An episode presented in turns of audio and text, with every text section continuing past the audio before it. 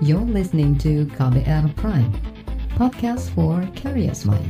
Enjoy!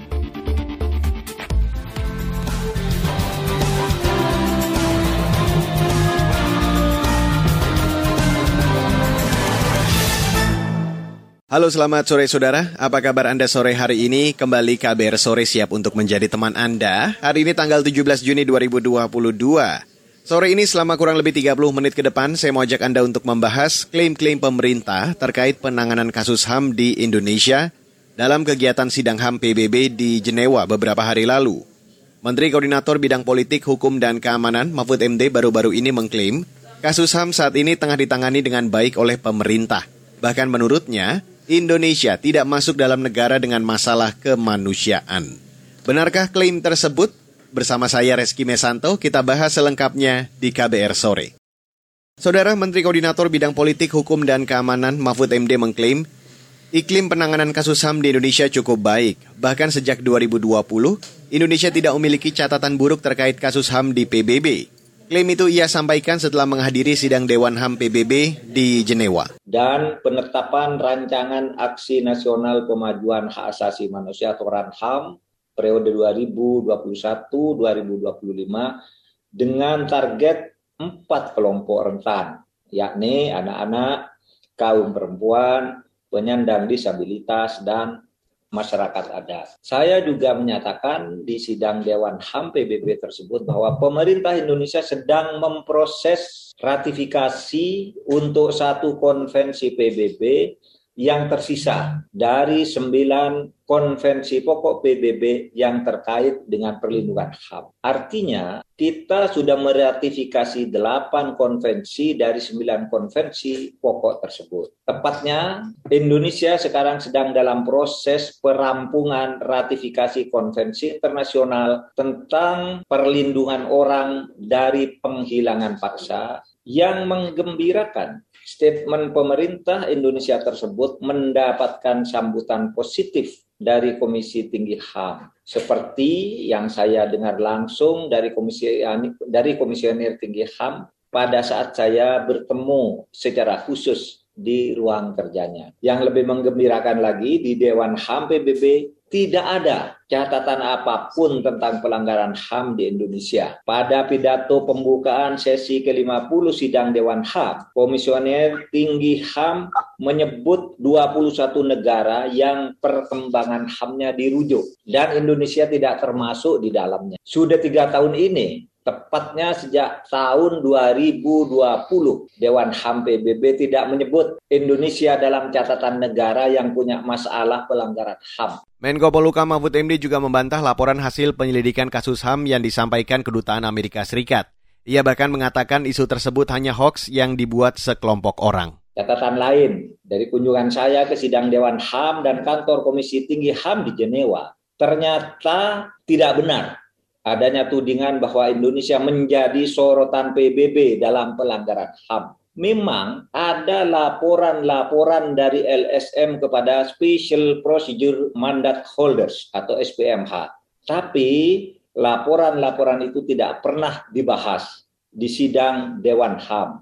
Laporan-laporan itu ditampung dan disampaikan kepada pemerintah kita dan setelah dijawab masalahnya selesai dan tidak sampai dibawa ke Dewan HAM. Juga tidak benar adanya agenda kunjungan Komisi Tinggi HAM PBB ke Indonesia untuk melakukan penyelidikan. Justru kita yang mengundang mereka ke Indonesia, tetapi jadwalnya belum ditetapkan. Komnas HAM adalah lembaga negara yang dibentuk melalui undang-undang dan pemerintah memandang Komnas HAM sebagai mitra yang sama-sama bertugas menegakkan hukum dan memastikan berjalannya upaya pemajuan dan perlindungan HAM. Kami terus mendorong dan bekerja sama dengan Komnas HAM untuk melancarkan jalan bagi pemajuan HAM di Indonesia. Mahfud juga mengklaim pemerintah tengah mencari penyelesaian beberapa kasus HAM yang tidak terjadi di kepemimpinan Presiden Joko Widodo. Klaim ini juga ditegaskan tenaga ahli utama kantor staf Presiden Yohanes Joko.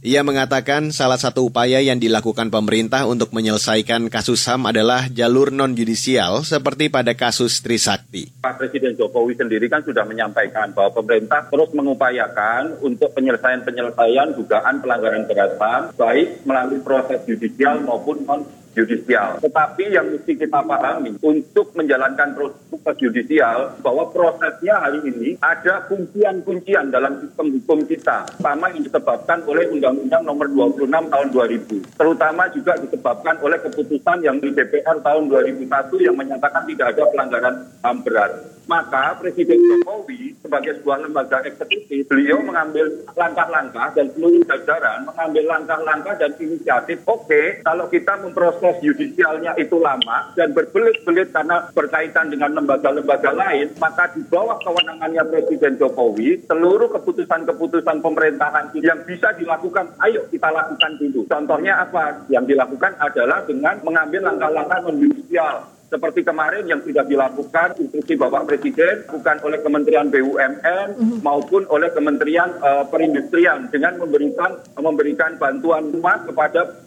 korban Trisakti dan juga bantuan usaha dari Kementerian Perindustrian. Tapi Presiden memiliki komitmen kuat pemerintahan Jokowi ini bahwa peristiwa pelanggaran HAM apa pun yang terjadi setelah berlakunya Undang-Undang Nomor 20, Nomor 26 Tahun 2000 maka itu akan dibawa kepada pengadilan HAM. Saudara, itu tadi tenaga ahli utama kantor staf Presiden Yohanes Joko. Selanjutnya di KBR sore akan saya hadirkan laporan khas KBR tentang kondisi hak asasi manusia di Papua. Tetaplah di KBR sore. You're listening to KBR Pride, podcast for curious mind. Enjoy.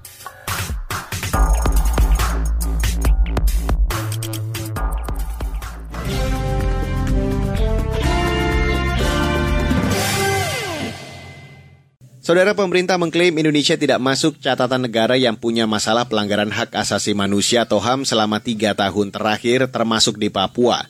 Benarkah klaim itu?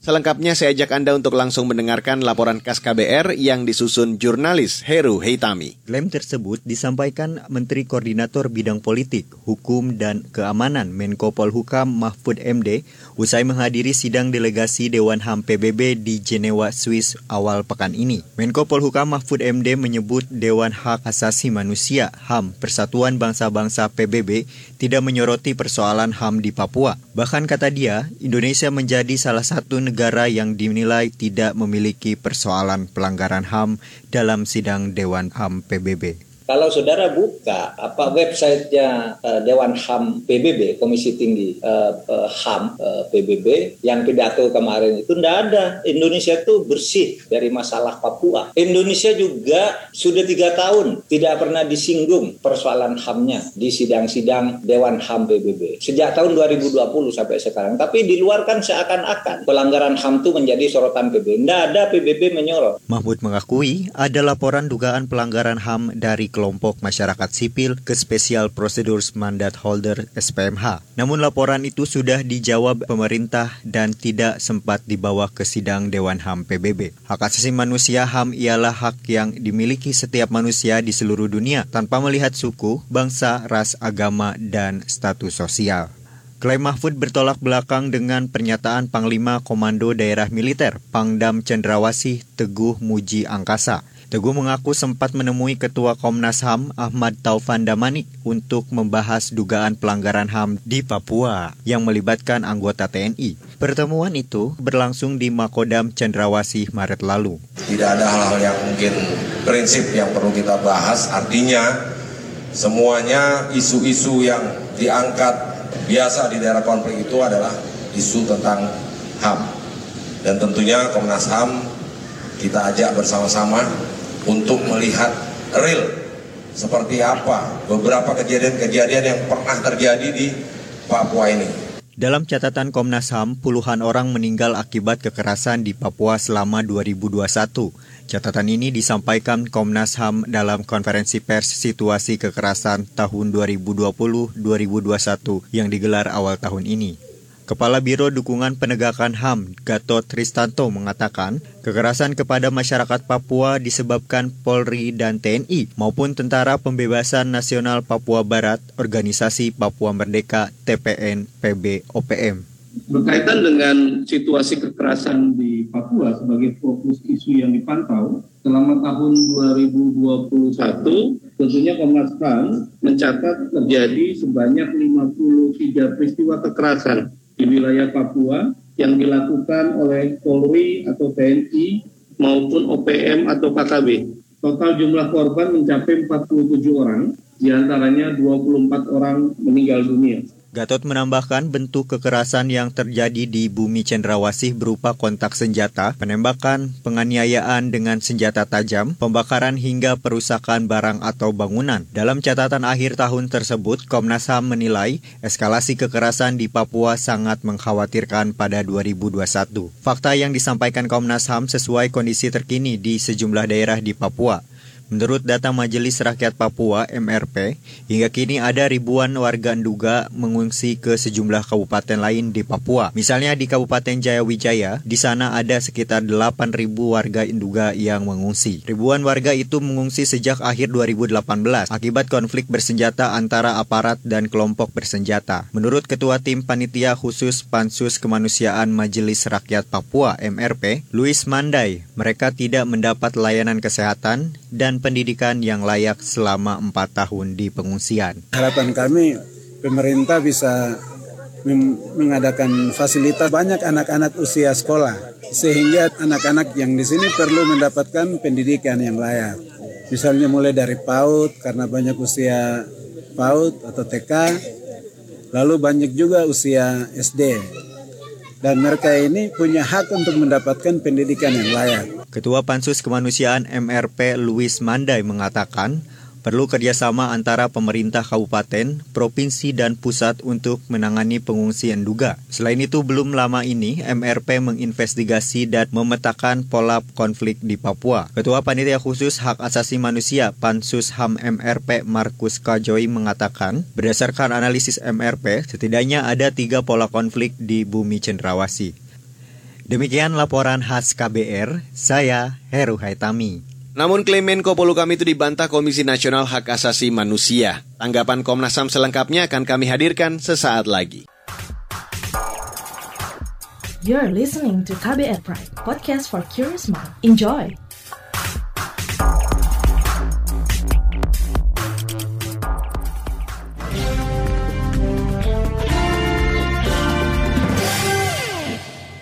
Saudara, Komisi Nasional Hak Asasi Manusia membantah klaim Menko Polhukam Mahfud MD terkait masalah HAM selama tiga tahun terakhir. Komisioner Komnas HAM BK Ulung Hapsara mengatakan, lembaganya masih menerima ribuan aduan dugaan pelanggaran HAM tiap tahunnya termasuk masalah HAM di Papua. Lantas, adakah evaluasi dari Komnas HAM? Berikut saya hadirkan perbincangan jurnalis KBR Mutia Kusuma Wardani bersama Komisioner Komnas HAM BK Ulung Hapsara. Pak Mahfud MD itu mengklaim bahwa e, berdasarkan penilaian dari Komisioner Tinggi HAM begitu ya bahwa Indonesia ini tidak termasuk negara yang ada masalah pelanggaran HAM sejak 2020 atau sejak tiga tahun lalu begitu. Ini kalau misalnya berdasarkan penilaian Komnas HAM sendiri apakah e, sesuai begitu atau berlawanan Pak? Pernyataan Pak Mahfud itu tidak sepenuhnya benar. Kenapa? Karena eh, selama tiga tahun terakhir memang masih banyak sekali pelanggaran HAM, pelanggaran HAM yang terjadi di Indonesia. Nah, tetapi memang tidak ada pelanggaran HAM yang berat, gitu yang uh, sudah diinvestigasi Komnas. Terakhir pelanggaran HAM yang berat di era Pak Jokowi itu adalah pelanggaran HAM uh, peristiwa Paniai tahun 2014 dan sekarang sedang uh, mau masuk ke uh, pengadilan HAM. Selama tiga tahun terakhir ada kasus dugaan pelanggaran HAM apa saja sih Pak yang perlu diingatkan kepada pemerintah? Beberapa kasus yang menarik perhatian publik dan itu sudah disimpulkan uh, sebagai pelanggaran HAM adalah uh, saya kasus KM 50 dari TWK KPK, ya. uh, terus kasus uh, dugaan pelecehan seksual di lingkungan KPI, ya. terus juga ada uh, Mandalika, banyak lagi sebenarnya kalau kita bisa me menyebutkan daftarnya satu persatu, tetapi itu semua itu adalah bukan pelanggaran HAM yang berat begitu. Berdasarkan catatan Komnas HAM sejauh ini ada berapa kasus dugaan pelanggaran HAM di Indonesia, Pak, yang belum diselesaikan? Gini, kalau kita mendasarkan pada uh, aduan yang masuk ke Komnas dan itu uh, dianggap sebagai dugaan pelanggaran HAM adalah ya banyak sekali. Setiap tahun kami menerima sekitar uh, 2.500 sampai 3.000 aduan begitu tapi memang tidak semuanya dinyatakan sebagai pelanggaran HAM gitu tapi kalau berkaca dari jumlah aduan yang masuk tentu saja bisa lebih dari eh, 500-an. Selain itu Pak Mahfud MD juga mengklaim bahwa Komisioner Tinggi HAM PBB mengapresiasi penanganan kasus dugaan pelanggaran HAM Paniai Pak. Ini berdasarkan penilaian Komnas HAM sendiri bagaimana terkait penanganan kasus ini? Ya, eh, kan Paniai sudah ada satu uh, orang yang akan diadili begitu ya. Kita lihat uh, ke depannya begitu karena tentu saja itu kan bisa membuka banyak jalan begitu terhadap terungkapnya secara utuh peristiwa Paniai itu. Itu yang pertama. Yang kedua tentu saja ini adalah pengadilan HAM pertama setelah 15 tahun terakhir begitu dan saya kira kita bisa melihat bagaimana proses ke depannya, terus kemudian fakta-fakta peristiwa yang terungkap, serta yang tidak kalah pentingnya adalah bagaimana kemudian korban dipulihkan. Saya kira itu Mbak. Saudara itu tadi Komisioner Komnas HAM BK Ulung Hapsara. Dan menanggapi klaim pemerintah, komunitas penyandang disabilitas juga angkat suara perihal HAM bagi mereka.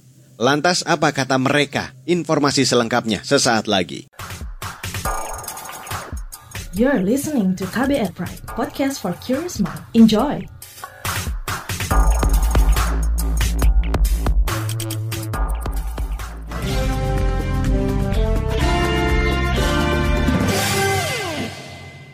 Saudara Perkumpulan Penyandang Disabilitas Indonesia atau PPDI mempertanyakan klaim Menteri Koordinator Bidang Politik, Hukum, dan Keamanan Mahfud MD yang menyebut Indonesia sudah mengalami kemajuan penanganan masalah hak asasi manusia dalam tiga tahun terakhir. Ketua Perkumpulan Penyandang Disabilitas Indonesia, Mahmud Fasa mengatakan, meski tak tercatat oleh Dewan HAM Persatuan Bangsa-Bangsa atau PBB, masih banyak pelanggaran HAM yang terjadi di Indonesia khususnya terhadap kelompok disabilitas.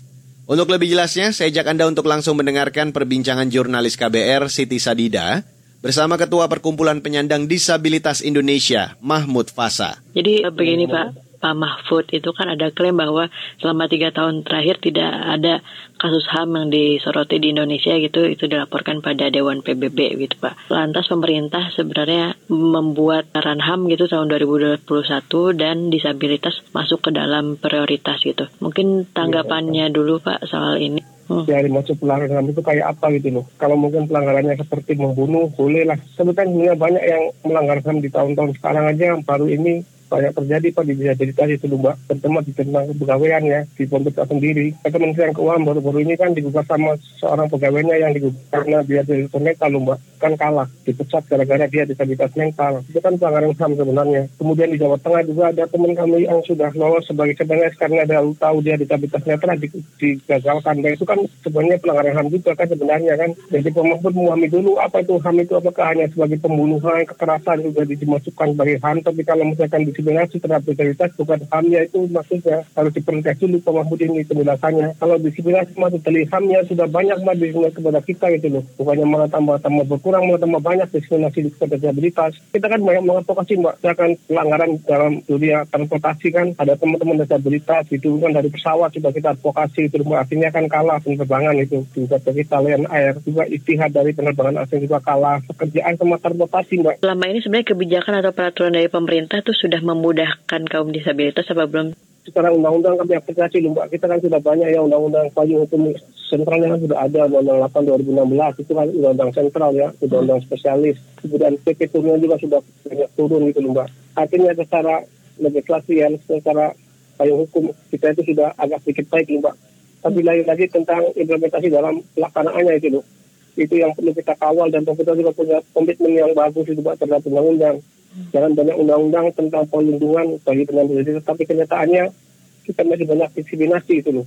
Ini kan jadi kendala kita. Artinya undang-undangnya sudah banyak yang dikeluarkan melindungi kita, tapi kenyataan di lapangannya butuh kita banyak masih terdiskriminasi itu loh. Pengawasan sama tindakan Mbak, yang penting tindakan misalkan di undang-undang lapangan jelas bahwa pemerintah harus mempekerjakan 2% bagi pegawai kan. Nyatanya kan belum ada yang belum sampai target itu tidak ada tindakan nyata dulu Mbak. Perusahaan yang tidak mempekerjakan disabilitas kan harus dikenakan sanksi, tapi nggak ada yang ditindak itu kan bagian dari pelanggaran, tapi tidak ada tindakan. Jadi artinya apa dianggapnya kalau melanggar undang-undang tentang disabilitas nggak ada nggak ada sanksinya itu loh.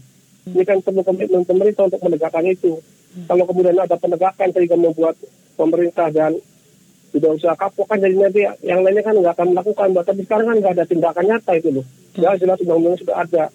Dua persen untuk pemerintah BUMN dan satu persen untuk dunia seluruh swasta kan. Tapi nyatanya masih banyak perusahaan yang tidak mempekerjakan disabilitas bahwa pemerintah sendiri malah mengeluarkan disabilitas dari pekerjaannya itu kan pelanggaran berat sebenarnya ya orang tidak malah mengeluarkan dari pekerjaannya. Kalau begitu Pak, masukan dari Bapak secara tegas uh, untuk pemerintah agar tidak ada diskriminasi lagi dan pelanggaran HAM terhadap teman-teman disabilitas bagaimana Pak?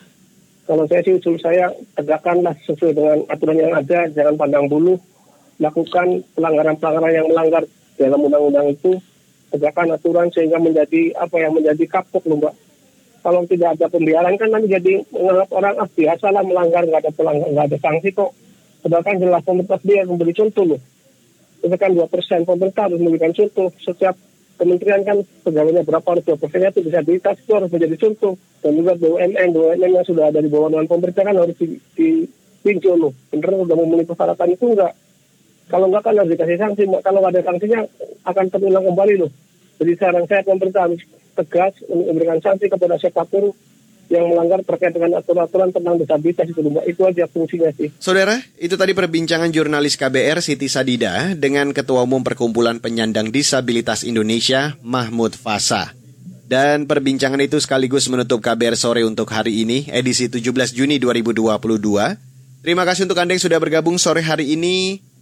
Ingat, patuhi protokol kesehatan di mana pun Anda berada dan selamat menikmati akhir pekan Anda. Saya Reski Mesanto undur diri. Salam.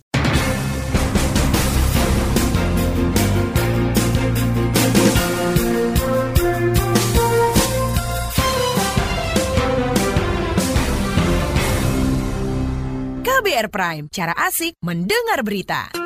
KBR Prime, podcast for curious mind.